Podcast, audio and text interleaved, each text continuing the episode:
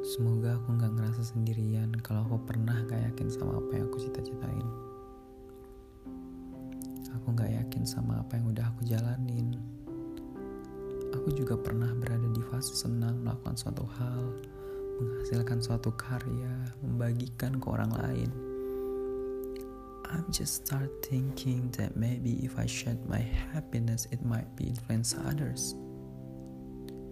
Ternyata kok aku salah ya. Salah ya aku ngerasa aku punya sesuatu yang bisa aku bagiin ke teman-teman yang lain. Apakah seseorang tuh harus menunggu dirinya menjadi sempurna untuk bisa membagikan sedikit aja pengalaman yang dia punya?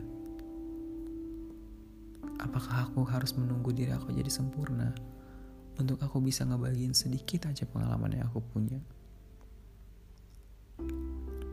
Kalau sesuatu yang buruk aja bisa dipopulerkan di zaman sekarang, Kenapa kita nggak berlomba-lomba mempopulerkan suatu kebaikan? Sulitnya adalah nggak semua niat yang baik diinterpretasikan menjadi sesuatu yang baik. And it's painful.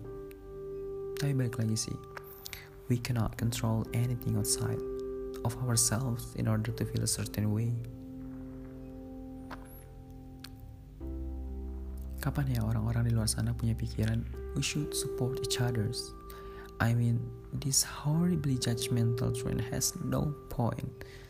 And that's why teman-teman living in supportive environment can positively affect the way we live.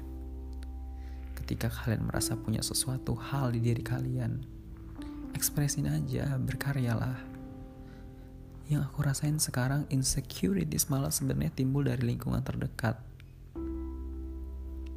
Kalian ingat gak dulu kalian mungkin orang yang paling ceria di kelas? Orang yang senang bersuah foto And maybe you love dancing. Tapi sekarang kalian gak lakuin karena hanya takut diomongin sama orang. Maybe we are so busy worrying about others that sometimes we forgot to take care of ourselves. Kebahagiaan kita itu diri kita sendiri kok.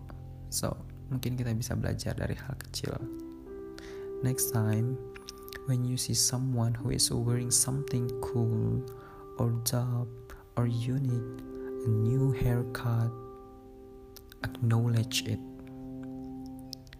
Positive words mentally affect someone's life, and you have to believe the power of words. So, you know, guys, change your mindset.